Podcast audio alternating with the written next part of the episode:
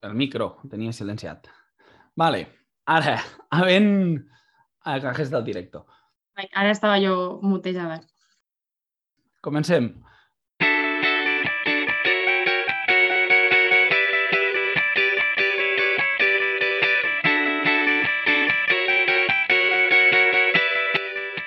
Molt bones a totes i tots i benvinguts a Enginyers del Podcast, l'espai sonor on despullem la professió d'enginyer i naveguem per tots els racons que ofereix aquesta professió. Salutacions de qui us parla, Miquel La Torre, i com sempre m'acompanya Ariadna Carrobé. Bones, Ariadna.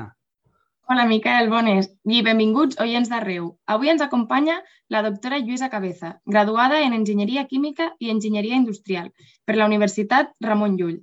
Actualment és investigadora i professora a temps complet a la Universitat de Lleida a més de ser la directora del grup d'investigació Greia. Avui, en aquest Enginyers del Podcast, noves edicions del 2022, inaugurem temporada, inaugurem any, ens acompanya una de les enginyeres col·legiades de la demarcació de Lleida amb un currículum més brillant dins del món de la investigació, tant a nivell nacional com a nivell internacional, amb varis reconeixements que ja anirem repassant amb més en detall quan l'anem presentant. Benvinguda, Lluïsa, Enginyers del Podcast. Hola, hola. Moltes gràcies per convidar-me. Bueno, et donem la benvinguda a Enginyers del Podcast. És un honor que ens acompanyis en aquest cafè de mitja tarda d'avui.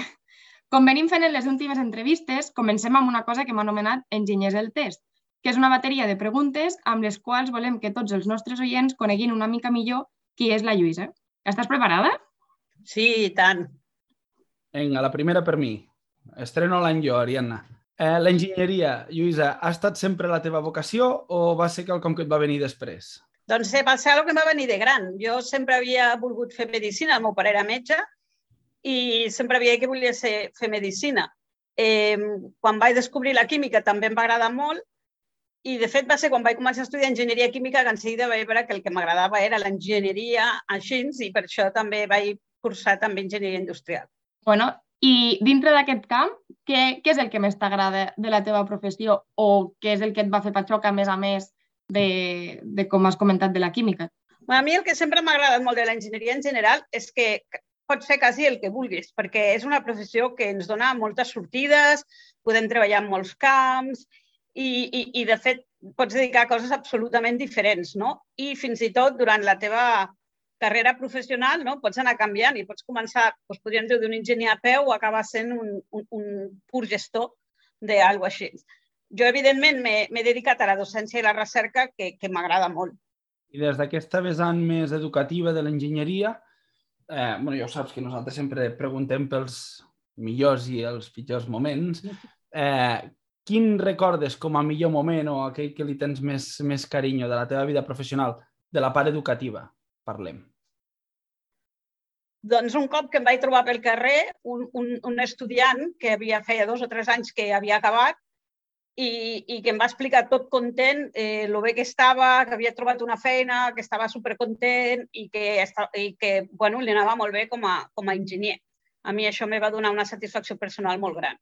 Perquè entenem que és un alumne que vas tindre eh, sí. durant la seva etapa d'estudiant, no? Sí, sí, sí, vas un estudiant d'enginyeria tècnica en aquells moments, no? que ara anomenaríem grau, sí, sí. Bueno, ei, me sumo, me sumo amb aquest alumne, perquè jo també vaig ser alumne de la Lluïsa en el, en el seu moment de l'enginyeria tècnica. Sí, a veure, sou molts i, i, i ja sabeu que Lleida és petit i, i una de les coses que tenim a Lleida és que ens trobem, no? També passa a altres contrats, però a Lleida molt. I, I la veritat és que per mi és una de les satisfaccions més grans quan, quan pues, els passats estudiants es troben i t'expliquen i, i veus que, doncs, que professionalment també estan molt contents i que aprecien que, tot i que en el moment potser van patir, més o menys, doncs que ara estan contents. Bueno, no tot són flors i violes. I ara ve la pregunta de l'altre costat de la, de la moneda. Quin recordes com a pitjor moment o que t'ha sabut més greu? Pues que depèn de com ho pensem, no? Um, um, durant els estudis va haver-hi moments en què també vaig passar malament, tot i que al final vaig acabar amb, amb, amb bon expedient i ha moments en què, en què tens molt l'atenció. La, també un, un dels moments que vaig trobar més durs mm, va ser quan vaig tornar als Estats Units. Jo vaig viure tres anys als Estats Units i quan vaig tornar aquí no trobava feina. I, i, i no ho entens molt, no? Perquè penses, ostres, però tot el que he treballat i, i, i estàs preparat i com és, no? i me va costar molt. I aquest, aquest moment va ser molt dur. Per això, a vegades, quan hi ha gent que, que, que també estan en aquests moments, intentes animar-los, no? perquè es passa malament, la veritat. Havent provat aquests classos curts de la professió, tornaries a estudiar enginyeria, si ara poguessis escollir, o amb el llarg camí que has fet, amb, eh, sobretot amb els temes d'investigació, ho enfocaries per algun altre cantó?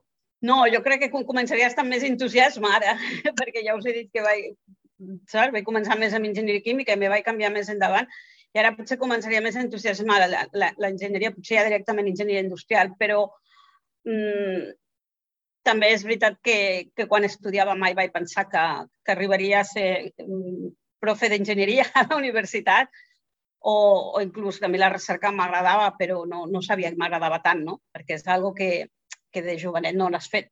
Per aquí vam entrevistar també una companya, la Montse, i, i bueno, sabem que, i ens va estar explicant que el, el món de la investigació pues, bueno, al final és un món molt vocacional, és dur perquè pues, tens molta gent amb qui competir, has de complir uns mínims de, de recerca, no? Aleshores, tot funciona a través pues, de beques i projectes que et van assignant i has de tindre pues, un equip competent i treure uns resultats competents, no? I llavors ella ens comentava que a vegades era molt difícil aconseguir aquest tipus de beques i que tot i quan l'aconseguies, que potser els imports que t'acabaven donant pues, que potser no eren suficients per, per poder dur a terme eh, tota la recerca que tu tenies plantejada. No? I aleshores, el que ens agradaria saber és que què penses sobre aquests imports que s'otorguen en el cas d'aquestes beques i una mica general pel que fa a la investigació a Catalunya. Bé, tots sabem que la investigació mm, està mal finançada i això és una realitat i, i és un tema a nivell mundial, tot i que hi ha llocs que, que poden tenir més finançament que Catalunya, però també n'hi ha que estan molt pitjor. Um, això és una realitat. Eh, és també és un món molt competitiu, però si, jo crec que si tu planteges d'una altra manera també també és molt de germanor, perquè eh, tens que treballar amb companys. La, la investigació sola no existeix. Jo sempre dic que el, um, a l'investigador de, de, del passat que treballava sol en un laboratori i acabaven donar-li un Premi Nobel, avui dia no existeix. Avui treballem en grups d'investigació. I jo crec que la clau és acabar desenvolupant un grup, un grup fort d'investigació. I llavors és quan eh, pots aconseguir més finançament i, per tant, fer més recerca. Però sí, no és fàcil. Bueno, fins aquí enginyers del test. Superat amb nota. Sí, ja l'han passat amb nota, ja ens hem soltat una miqueteta. I ja hem tret el, el mute al meu micro, que també és important. bueno, ara que hem trencat el gel, ja sí que començaríem amb, amb el que seria l'entrevista pròpiament dita, no? Ja ho avançàvem a la presentació, la Lluïsa és doctora en Enginyeria Industrial i, a més a més, directora d'aquest grup de recerca eh, que es diu Greia, que té la seu a la Universitat de Lleida.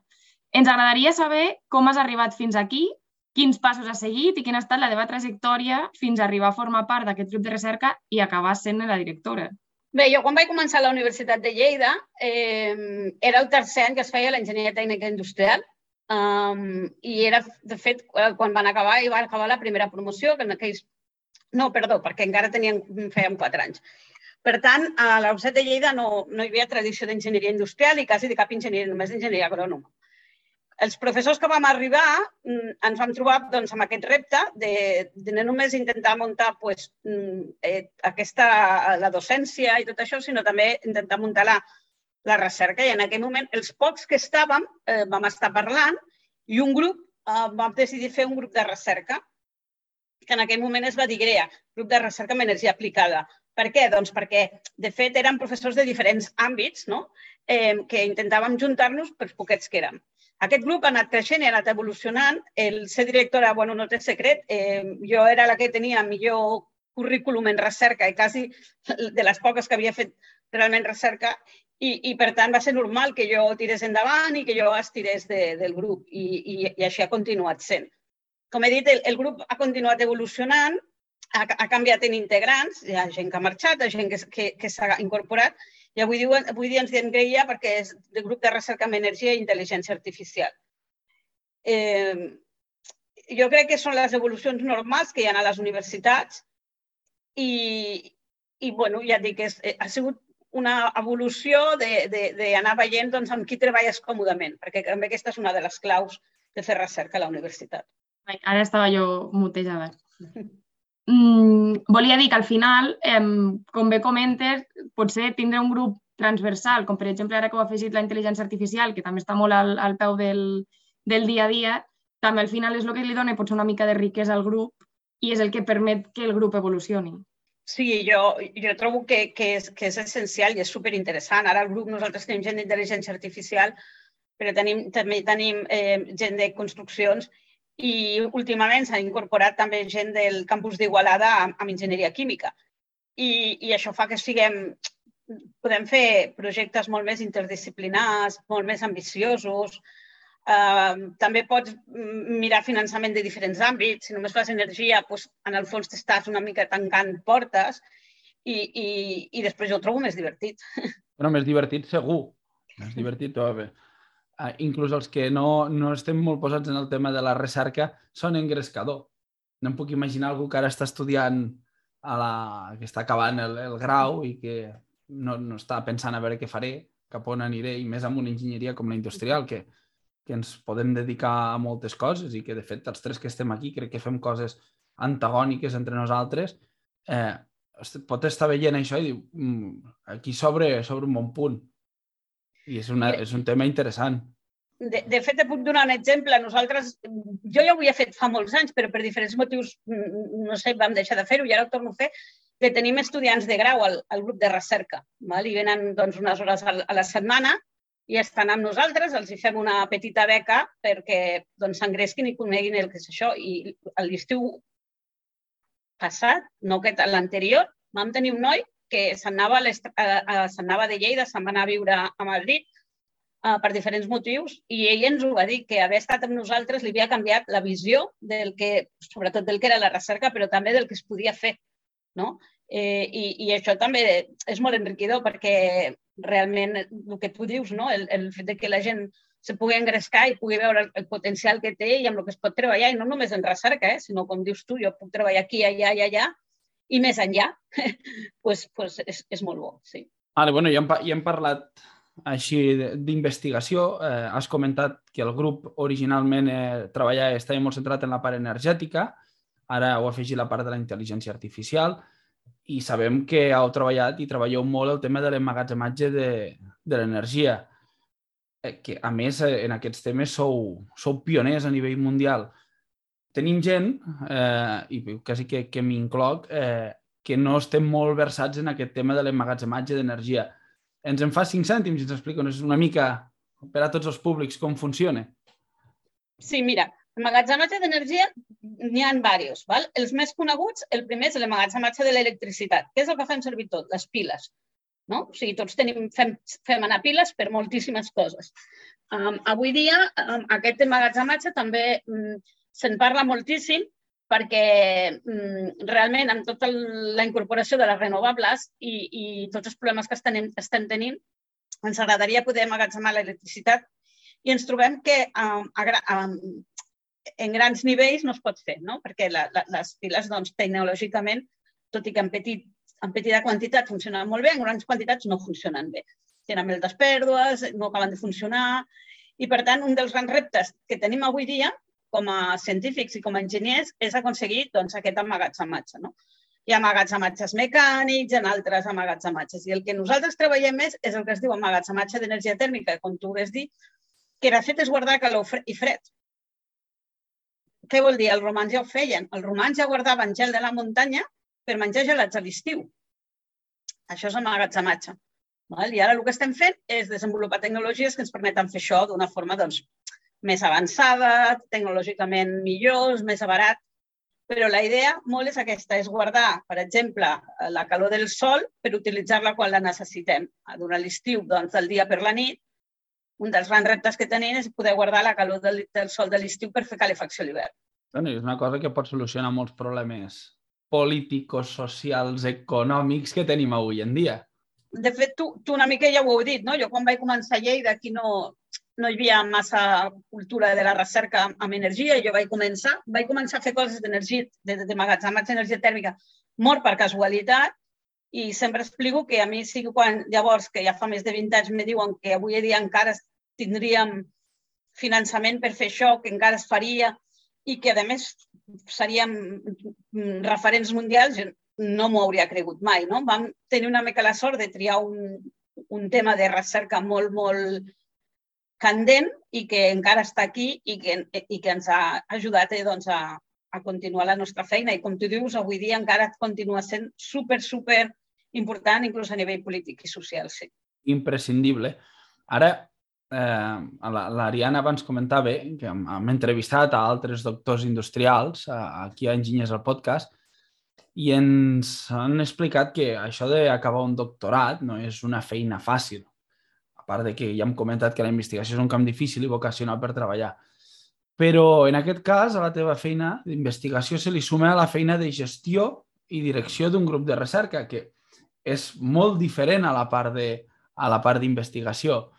Eh, en què consisteix aquesta, fe aquesta feina? El teu dia a dia, no tant com a investigadora, sinó com a gestora. Doncs mira, primer jo ric quan em preguntes això perquè hi ha molta gent que em diu és que tu, Lluís, això t'agrada fer-ho. I no és veritat, a mi no m'agrada fer-ho, a mi el que m'agrada és la recerca. Però, com he dit, bueno, quan vaig arribar aquí em vaig trobar doncs, que potser era la que tenia més experiència i, i vaig començar a tirar del carro. També comentar que quan jo estudiava, quan encara estava fent enginyeria industrial, enginyeria química, eh, on jo estudiava, i vaig estudiar al Químic de Sarrià, eh, es feia un màster en, en, en gestió industrial, una mica el que seria un MBA, menys financer i més de gestió. I el meu pare em va dir, Lluís, hauries de fer aquest màster. Jo vaig dir, ja tinc prou de feina. Però sí que és veritat que quan vaig fer la tesi doctoral vaig animar i el vaig fer. I avui dia penso que vaig tenir molta sort de fer-lo, perquè me va donar aquesta formació que a vegades als enginyers ens falta, sobretot els que arriben a tenir eh, posicions de gestió, no? d'entendre de, de, doncs, com, com funciona una empresa, com gestionar-la, eh, un mínim de coneixements financers, un mínim de coneixement de màrqueting, un mínim de coneixement de gestió de les persones, perquè al final és això.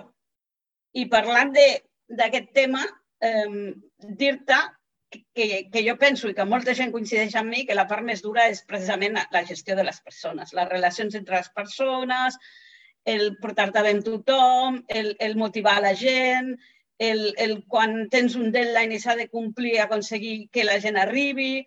Mm, per mi aquestes són les parts més, més difícils.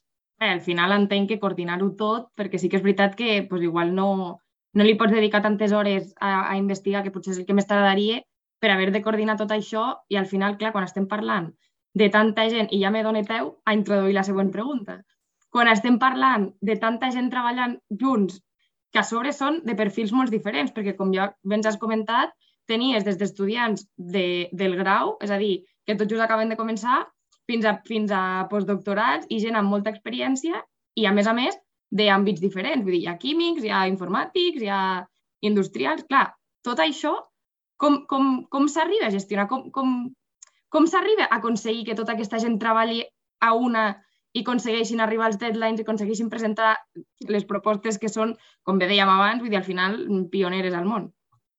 Bueno, al final jo sempre dic que el meu grup de recerca és la meva petita pime. I, de fet, si, segur que heu entrevistat altres enginyers industrials que els hi feu preguntes semblants de la seva empresa. És exactament el mateix. O sigui, tens un grup de persones que has d'aconseguir motivar-les um, perquè pues, entusiasmin per la feina, has d'entendre que, que cada un té els seus moments personals, però que tots hem de remar una, que s'han de complir deadlines, que s'han de complir compromisos, i, i, i, i sí, sí, la clau és aquesta, la, la, motivar-los, no? Um, però sí que és veritat que hi ha vegades pues, que hi ha un deadline que no s'ha complert i la que es queda treballant fins a les 3 del matí es diu Lluïsa. Però mm, també és part del, del joc, no? Però no, no sempre és fàcil moure, moure equips, moure persones, controlar egos... És, no, no, és... ja et dic, és la part més difícil de la feina i a vegades la més dura, perquè és la que et dona més disgustos, perquè a més com que doncs el que hem dit, no? Lleida és petit, ens coneixem tots, fa temps que treballes junts i, i, i a vegades tens pues, coses que és un disgust personal. Però amb els anys també aprens a, a, a aprendre-t'ho d'una altra manera, com dic jo, no? I, i, i bé, també pues, intentar fer bon rotllo, pues, eh, jo de tant en tant pues, dir que la gent va anem a dinar junts o anem a sopar junts o, o intentar doncs, això crear equip, no? Però sí, sí, bueno, és... I una pregunta, ja que estem així com sortint del coronavirus, em, com ha sigut el tema d'estar de, de tots a casa? Mm, vull dir, perquè al final la gent a casa com que no es motiva tant, no? El fet de no poder-se trobar i no poder... Això ho heu notat a nivell del dia a dia? I jo no crec que... Nosaltres no hem notat tant per la motivació, jo crec que això no, no, no s'ha perdut però ha sigut dur perquè, clar, nosaltres, molta part de, de la recerca que fem és experimental. Nosaltres necessitàvem els laboratoris oberts. Al principi, sobretot a la primavera estiu del 2020, va ser molt dur perquè mm, tot es va parar, però, per, però les entitats financeres no van parar els projectes. Sobretot a Europa, a Brussel·les, no, no va parar. No, ningú, jo crec que ningú es va pensar que això duraria tant i tu si tenies pues, que entregar un, un informe a l'agost del 2020 l'havies d'entregar a l'agost del 2020 i, i el fet que els laboratoris estiguessin tancats no, no ho van tenir molt en compte, no? Ara sí, i de fet quasi tots els projectes s'han allargat, que això està portant un altre drama, però en aquell moment va ser molt dur i molt, i molt, i molt estressant. I de fet jo, per exemple, al, juliol del, al juny del 2020 vaig demanar un permís especial a l'UDL perquè quatre persones del meu grup poguessin anar al, al laboratori. Eh, per què quatre? Doncs perquè fora el mínim possible per tenir el mínim contacte, però que no fos un sol, perquè un sol no pot treballar al laboratori, i poder fer un mínim d'experimentació per complir uh, aquests expedients. Mm, va ser molt dur per això. I ara el que ha passat és al revés. Com que tot s'ha allargat moltíssim, moltíssim, tots els, no, no, no, es, no es pot treballar al mateix ritme, ha, ha passat diferent en, en diferents països, en diferents institucions. El que jo vaig aconseguir que em donessin aquest permís especial, hi ha altres institucions, altres països que no ho han aconseguit, doncs tot s'ha retrasat molt i ara el que ens passa és que ens han allargat molt els projectes però amb els mateixos diners. Amb la qual et trobes que, mm, diguem, ja no queden diners, no? perquè si t'han donat diners per tres anys i estàs cinc anys, és impossible, no pots pagar els sous dels, dels, dels investigadors, etc. I en canvi tens que seguir complint. Llavors, jo crec que ara, tot just, comencem a veure la llum, però encara ens queda un any dur a nosaltres amb aquest aspecte. El, però estàvem parlant ara també parlaves d'aquests d'aquests projectes que heu anat fent i que porteu molts anys fent eh, a nivell nacional i també a nivell internacional. Ens costa que teniu diversos projectes amb col·laboració amb investigadors externs d'altres països i inclús mm, segur que d'altres continents. Eh, és, el, és el que té ser líders mundials. Eh, ja has comentat la teva opinió sobre el treball en equip i les sinergies que produeixen. Eh, tu creus eh, que ara eh, ens està costant tornar a treballar en equip, reprendre aquestes, aquesta, com dir-ho, aquesta connexió personal, aquesta, aquesta col·laboració eh, més física i no tan telemàtica, perquè al final mm, les pantalles, bueno, sembla raro dir-ho, estem aquí ara fent-ho a, a través de Zoom, això, eh, però eh, tornar a prendre aquest contacte, tornar a treballar amb el de la taula del cantó, com, com ho esteu vivint? Jo crec que hi ha de tot. Perdó, perdó, haver-te de vestir de dalt a baix. Sí, exacte. És veritat. Quants de nosaltres eh, et poses bé de dalt i després vas amb xandall. Sí, durant la pandèmia jo reia quan el meu nebot em deia que m'havia pintat i, i anava amb xandall em deia, avui estem una reunió, no? sí, sí pues, més que el vestir dalt de baix, Ariadna, és el sortir de casa. Jo estic veient que la gent li està costant sortir de casa i ja no et dic viatjar. Tots, tots ho trobem a faltar i, de fet, mm, ara que comença una mica de viatge, jo he fet algun viatge ara ja el 2022, que vaig estar dos anys quasi sense viatjar res, eh, jo veig que a la gent li costa molt, no? I que diu, sí, sí, va, si ho fem en persona, i un mes abans, dos o tres setmanes abans, et diuen, no podem fer per, per, per, per videoconferència? I en el fons és perquè, ostres, no? et fa molta més mandra pensar que has de fer la maleta, que has d'agafar un avió, que, perquè mm, doncs, viatjar també te comporta doncs, una, un esforç. No?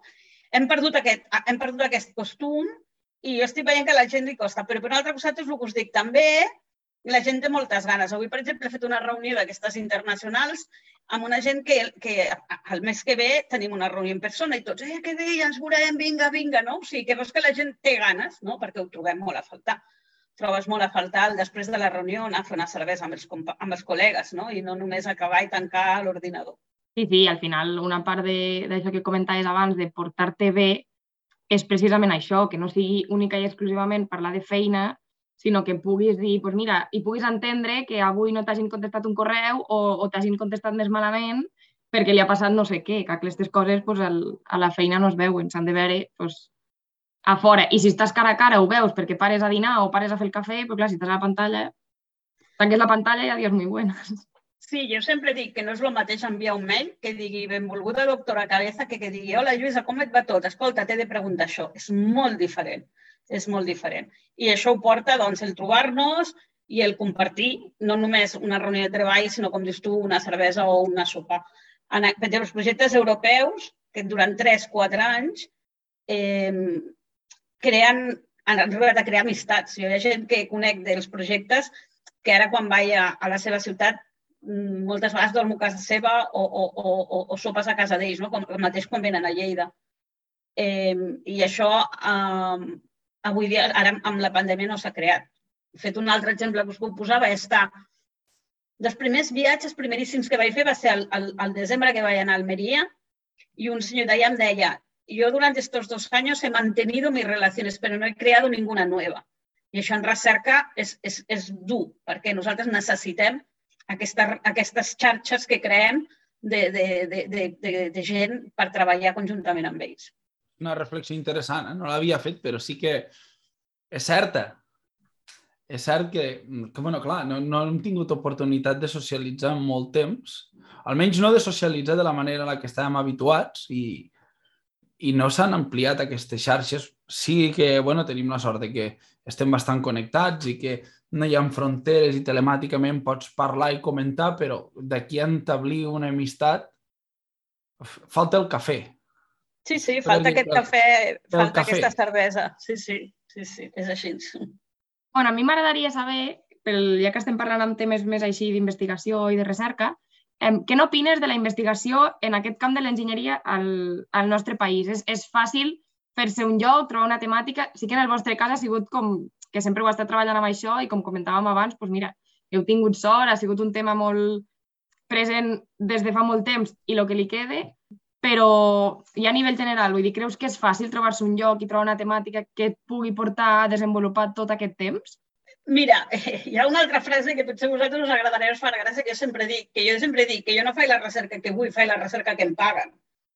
Saps? O sigui, tot i que jo faig amagatzematge d'energia i a vegades que tinc idees que penso, ostres, m'encantaria fer això i no puc fer-ho perquè no aconsegueixo que, que m'ho financi, no? Eh, I en canvi hi ha vegades doncs, que hi ha una convocatòria o hi ha un company que et diu ostres, sortir aquesta convocatòria, presentem-ho i potser no és el tema que tu haguessis o estàs ara més entusiasmat, però dius, vale, doncs no puc perdre aquesta oportunitat, no ha trobat treball, a part de treballar amb allò. I jo crec que pels joves investigadors això encara és més, és més crucial. O sigui, mmm, normalment tu no tries el tema de recerca que faràs a la teva tesi doctoral. Tu tries el teu director de tesi doctoral. És una mica com el treball de final de grau. Sí que tens un... Home, tu dius, sé si vull fer mecànica o vull fer, o vull fer energia o vull fer matemàtiques, no? Però tu normalment tries amb quin profe vols fer el teu treball de final de grau, el treball de final de màster, i llavors a vegades sí que dius, vull fer això, i et dius sí, però moltes vegades el profe et diu, no, mira, jo ara estic molt interessat en aquest tema. Amb, amb, amb el doctorat encara és més important, perquè el teu director de tesi ha de tenir finançament per la teva tesi doctoral. Doncs normalment tu comences amb un tema que et pot interessar més o menys, però que molt poques vegades l'has triat tu.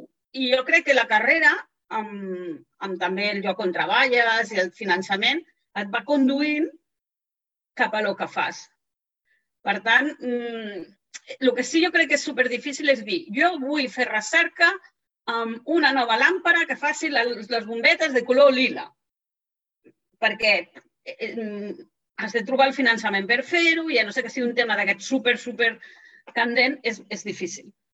Um, quanta gent avui dia deuen estar fent recerca en coses del Covid quan tampoc era el seu tema de... de, de jo, jo sé de gent d'aquí d'agrònoms de Lleida que estaven fent coses en, en transmissió de, de malalties de les plantes i quan va sortir el Covid van començar a fer coses de medicina, de la salut, perquè és on hi havia finançament.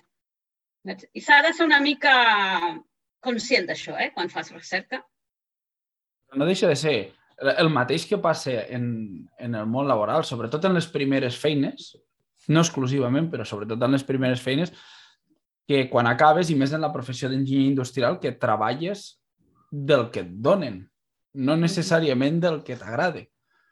I també és veritat que quan te ho donen, a vegades no t'agrada i, i després ho acabes, eh, li acabes tenint passió. Sí, sí, és, és, tu ho has dit i, i, i a vegades doncs, no ho penses no? i estàs acabant i t'ofereixen una feina i dius, ostres, una bona empresa, potser no és el que jo faria, però mira, sembla una bona feina, em poso, vaig a provar-ho. I a vegades ho deixes, no t'agrada gens, però hi ha vegades que, com dius tu, creixes en la passió o a vegades dintre de la mateixa empresa, doncs, doncs, doncs, jo què sé, passes de manteniment a, a laboratori i t'agrada molt més, no? O, de, o al revés. Eh, però és així, o sigui, tu has de créixer. Jo també sempre dic una altra cosa, a mi m'agrada fer recerca. Jo no és que m'agrada fer recerca en energia, a mi m'agrada fer recerca. I llavors ja em va, jo, també em faig coses que no són exclusivament d'energia però perquè a mi m'agrada. I m'agrada, jo cada matí mm, doncs m'agrada poder aprendre coses noves. És una de les grans avantatges de fer recerca. Tota l'enginyeria és així, no? però en recerca és molt més acusat. Sí, sí. A nivell personal, eh, a, a mi em va passar, eh? Vull dir, quan, quan vaig acabar, a més, amb, amb un professor de la, de la UDL, tenia la conversa, vaig començar a treballar i, i li dia, ostres, m'està tocant calcular estructures, no ho suporto. Mm. Quin avorriment. I han, han passat els anys i, i han anat passant coses i ara sóc un apassionat del càlcul estructural. M'encanta i em falten hores. I no, i no ho hagués dit mai, eh? Vull dir, si això si m'ho diuen fa, fa 10 anys o fa 15 anys, ni, ni, ni boig, ni boig. Haguessi fet 50.000 coses abans que això. De, de fet, m'agradava molt el tema energètic i al final els camins i les decisions et van marcant un camí i, i, i també, com comentes, els, els diners eh, surten oportunitats i et van portant per un camí que al final agafes perquè t'agrada, perquè si no sí. tenim la sort de poder escollir. I, I jo crec que aquest és un missatge molt important pel, pels joves, tant els que estan acabant la carrera com els que estan acabant l'ESO o, o fent, començant batxillerat, perquè no ens hem d'obsessionar amb, amb, amb el que fem o el que estudiem. No? El que hem d'intentar és formar-nos el millor possible. Quan més ens agradi el que estem fent, millor, però és això, moltes vegades et sembla que algú t'encanta i després et dones compte que no, i tampoc és cap trauma canviar. A vegades els pares, oh, és que el meu fill ha canviat de carrera. No passa res. I al revés, eh? Hi ha vegades que comences alguna que dius, bueno, no sé, i, i t'acaba entusiasmant, com diem. El fet, eh, perquè al final el gran problema és que no ho coneixes, però és que tampoc ho pots conèixer tot, no? Perquè la vida te porta a aprendre. No, i que, i que jo també crec, per exemple, que a la universitat veus potser la vessant de l'enginyeria des d'un punt de vista, si estàs fent recerca, veus l'enginyeria des d'un altre punt de vista totalment diferent i complementari, i si estàs treballant al món laboral, és que és una altra cara del triangle. Clar, tu pots anar saltant, és el que dèiem abans, ostres, doncs l'enginyeria és algo tan ampli que és que una mateixa cosa la pots veure des de diferents, des de diferents punts de vista i, i te pot canviar moltíssim. Una cosa que deies, pues a mi la investigació no me fa gràcia i després resulta que, pues mira, que descobreixes o, o tu comences fent eh, una cosa pues, d'enginyeria química o el que sigui i resulta que acabes portant un grup de recerca i, i sent la directora o la màxima responsable del grup de recerca. Vull dir, clar, és algo que dius, mm, pues mira, pues, pues, pues també necessites o el que comentaves abans, de dir, pues, la formació més enginyeril, però clar, després, pues, hosti, haver fet aquest màster, potser més d'administració, pues, m'està servint ara dintre de l'enginyeria també, no? Vull dir, al final és una mica surfeix aquí dintre i acaba trobant el, estàs acabant trobant el on, on estàs, estàs acabant trobant on estàs còmode. I això és el que esteu dient i, i disfrutar-ho. Sí, sí. Sí, sí. Dintre dels alts i baixos, totalment normal, però disfrutar-ho. Exacte. Gaudint del camí, sí. que, són, que és, eh, és en el que consisteix tot plegat, a gaudir del camí. Exacte. I parlem de camí i fem l'última pregunta. Eh, la, és sempre la més complicada de totes, i, i més en els temps que vivim, que, que ara està canviant tot molt ràpid i, i la veritat és que ja no sabem per on venen les coses. Eh, Lluïsa, i ara què? Això és ras i curt i, i difícil. Com planteges el teu futur professional? Mira, de, de, depèn de com ho pensis, és molt fàcil i depèn de com ho pensis, la resposta és l'òbvia, que és que no ho sé, no? El per què pot ser molt fàcil? Doncs perquè els professors universitaris, al final, tenim una carrera, eh, tenim una feina que, que és per sempre. I, i, i el pitjor d'aquesta, mm, del per sempre, és que ens és molt difícil canviar. O sigui, si jo ara me'n volgués anar a la Universitat de València, és pràcticament impossible. Val? La, la, la, és molt difícil. Llavors, a priori, lo normal i fàcil que jo pensi és que jo em quedaré a Lleida, eh, suposo que ja sabeu que jo no sóc de Lleida, jo vaig venir a treballar a Lleida, però soc d'aquí, però que em quedaré a Lleida fins que em jubili. Val? Però, clar, mmm, també això, amb totes les connotacions que té el treballar a la universitat, que és la docència, és la recerca, és la gestió, doncs tampoc no ho sé, perquè així com he estat 20 anys treballant amb el magatzematge tèrmic, a mi no me diu ningú que d'aquí 10 anys encara ho estigui fent que seria lo normal, probablement, però, però, però tampoc, tampoc ho, ho sé. Eh, o sigui que al final és el que us dic, lo, lo obvi és pensar que, que em jubilaré a Lleida i que més o menys continuaré fent el, el mateix. Però no té per què ser així, perquè també hi ha molts professors que sabeu que agafen um, doncs, càrrecs i posicions en, en, en el govern, en agències del, dels llocs. Jo he estat quatre anys en anar, no, cinc anys en anar a Brussel·les representant Espanya en una comissió, hi ha gent que hi va a viure, o sigui, no, no, no s'han de tancar portes, però a priori lo lògic i normal és continuar igual. Pues fins aquí hem acabat. Moltíssimes gràcies, Lluïsa, per acompanyar-nos avui. Ha estat un plaer enorme poder compartir amb tu aquesta estona i poder aprendre de, de les teves experiències i veure un punt de vista de la enginyeria molt diferent i molt, molt, molt difícil d'entrevistar. Eh, molt difícil. De fet, eh, l'entrevista amb la Lluïsa eh, ens, ens la guardàvem perquè no, no ens veiem capaços de controlar els tempos, perquè és un perfil que, eh, Lluís, el teu, que dona, dona moltíssim joc i per algú com nosaltres que intentem tancar una entrevista de 40 minuts, eh, clar, la pregunta és molt difícil. Què deixes fora de l'entrevista a la Lluïsa perquè ens entri dins del que nosaltres tenim marcat com a enginyers al podcast? Ha estat un plaer. Eh, trobo que l'entrevista ha estat una autèntica meravella i que ens ho han passat pipa. Per eh, a l'audiència, per tots aquells que vulgueu, com sempre, al nostre web d'Anchor, a les notes del capítol teniu el link. Podeu deixar notes de veu i a, a la Lluïsa li podeu preguntar el que vulgueu nosaltres després li fem arribar tots aquests dubtes que surtin o coses que vulgueu comentar, li fem arribar amb ella i busquem una fórmula per fer un, un especial o un, o un annex al, al capítol perquè la Lluïsa pugui contestar allò que nosaltres ens hem vist obligats a deixar fora del, del capítol d'avui. Moltíssimes gràcies.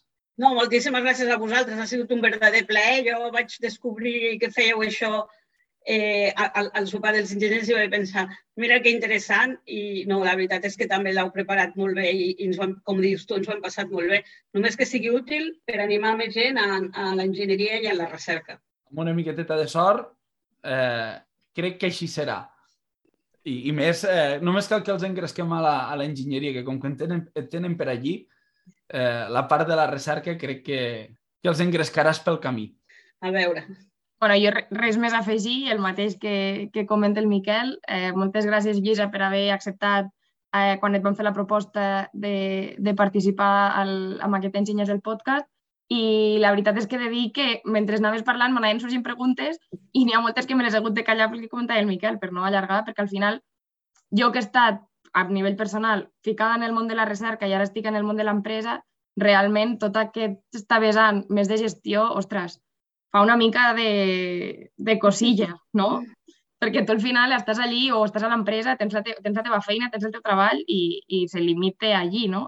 Però, ostres, mm, gestionat al nivell de personal, doncs, no, no, m'ha semblat superinteressant per la gent, però és que inclús per mi.